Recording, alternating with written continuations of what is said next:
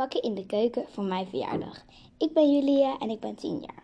Ik was met mijn moeder aan het overleggen hoe we met mijn verjaardag gaan doen. Of ik zelf een grote taart maak of ik in de winkel een grote taart haal. Maar ik hou heel veel van bakken. Dus je raadt het al, ik ga zelf een taart maken. En ik zag in een taartenwinkel een hele mooie taart. En die wil ik graag namaken. Dus ik besloot om, om, naar, de, om naar de winkel te gaan om de ingrediënten te halen. Ik heb alles gehaald en nu kan ik echt beginnen. Met bakken, ik knuffel nog even met mijn hond.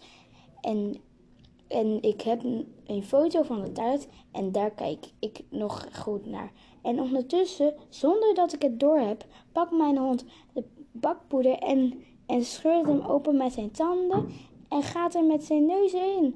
En gaat met zijn neus erin. En heel zijn neus is fit. Ik moet er wel een beetje van lachen. Ik moet er wel best wel van lachen. Maar nu hebben we geen bakpoeder meer. Ik had geen zin om terug naar de winkel te gaan. Dus ik besloot naar de buren te, gaan.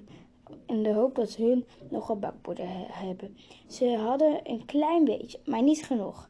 Dus ik ging naar de overburen. Zij hadden ook een klein beetje, maar ook niet genoeg. Maar samen net wel genoeg. Dus kon ik eindelijk beginnen. Ik weet hoe de taart eruit ziet. Alle ingrediënten in een kom voor, voor beslag.